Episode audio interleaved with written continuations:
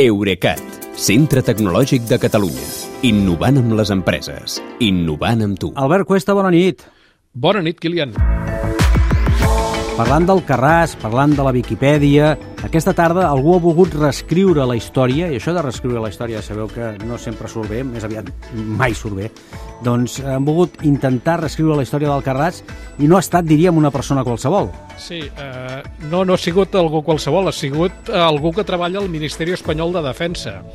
Eh, poc després de les dues del migdia, la pàgina sobre el Carràs, eh, i parlo del municipi, no de la pel·lícula, Sí. a la Viquipèdia, eh, ha sigut modificada des d'un ordinador del Ministeri per esborrar una referència que contenia, eh, dins del seu apartat de història del municipi, a les càrregues de la policia espanyola al Carràs el dia del referèndum d'independència el 1 d'octubre del 2017, Sí. eh, les, unes càrregues que evidentment pretenien impedir el vot dels ciutadans. Mhm. eh, aquest usuari que ha fet la modificació, suposo que perquè no se li veiés massa el llautó, ha deixat el, el constància de que hi va haver una votació, eh, ha mantingut el resultat, però el que no ha pogut evitar és afegir-hi la paraula il·legal a la menció del referèndum. Doncs mira, el llautó Parlar se li veu du és- dues vegades, eh? Sí.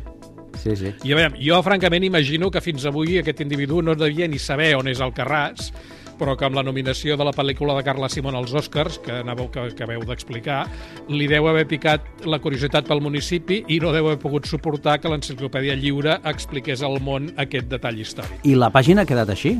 No, no, no, afortunadament no. Poca estona després, algun dels, diguem-ne, esforçats editors de la Viquipèdia ha revertit la modificació i ha recuperat el text original que a aquesta hora, si més no, continua explicant la intervenció policial de fa cinc anys. Que és el que va passar, en definitiva, i per tant, per això s'explica en allà. Tu deies la història, això de reescriure-la és no, mal... no, és, és, és, sí, és una mala pràctica. La història és la que és i és la que s'ha viscut. Per cert, qui se n'ha donat de la modificació i se sap alguna cosa del responsable? Doncs bé, detectar-la ha sigut fàcil eh, i gràcies a un bot de Twitter, un compte automàtic, eh, d'aquests que no li agraden al, al Mas, de fet, que es diu Spain, o sigui, arroba Spain Gov Edits, que el que fa és vigilar les modificacions a la Viquipèdia Ah. i notificar automàticament totes les que s'han fet des d'algun ordinador que pertanyi a l'administració pública espanyola. Aquest compte ja fa uns anys que funciona i és eh, realment eh, interessant. Altres vegades ja ha detectat canvis per fets que s'han fet per difamar persones que potser són poc adeptes a una certa idea de l'Estat. Per exemple, eh, dir coses lletges de Pablo Iglesias a la, a la pàgina de Viquipèdia sobre l'exvicepresident o també a diversos líders independentistes. Ja. Ara com ara, l'únic que se sap, i suposo l'únic que se sabrà del responsable de la modificació en concret, aquesta del Carràs, és l'adreça IP de l'ordinador que ha fet servir.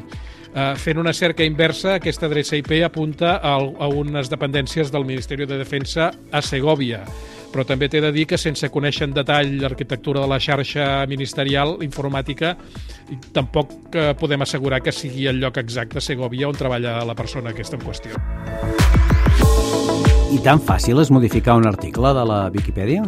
Eh, De fet, sí que ho és. Ho pot fer tothom, qualsevol dels oients, i fins i tot de manera relativa, relativament anònima, com ha passat en aquest cas. I jo crec que això eh, és part del seu valor, de la seva gràcia, perquè el que permet és que qualsevol usuari aporti contingut que enriqueixi la Viquipèdia. Sí, per això és cooperativa i comunitària una mica, Sí, no? sí, exacte, és lliure en tots els aspectes. Sí. Però aquesta mateixa llibertat és la que permet els intents de manipulació.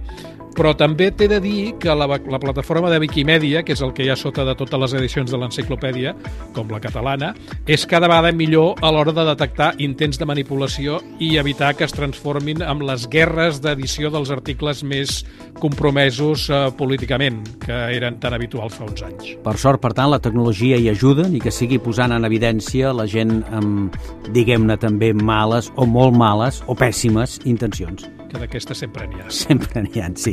De totes, de les males fins a les pèssimes i tira una mica cap allà també, fins i tot. Escolta, moltes gràcies. Demà totes les bones intencions en una altra secció de l'Albert Cuesta. Molt bona nit.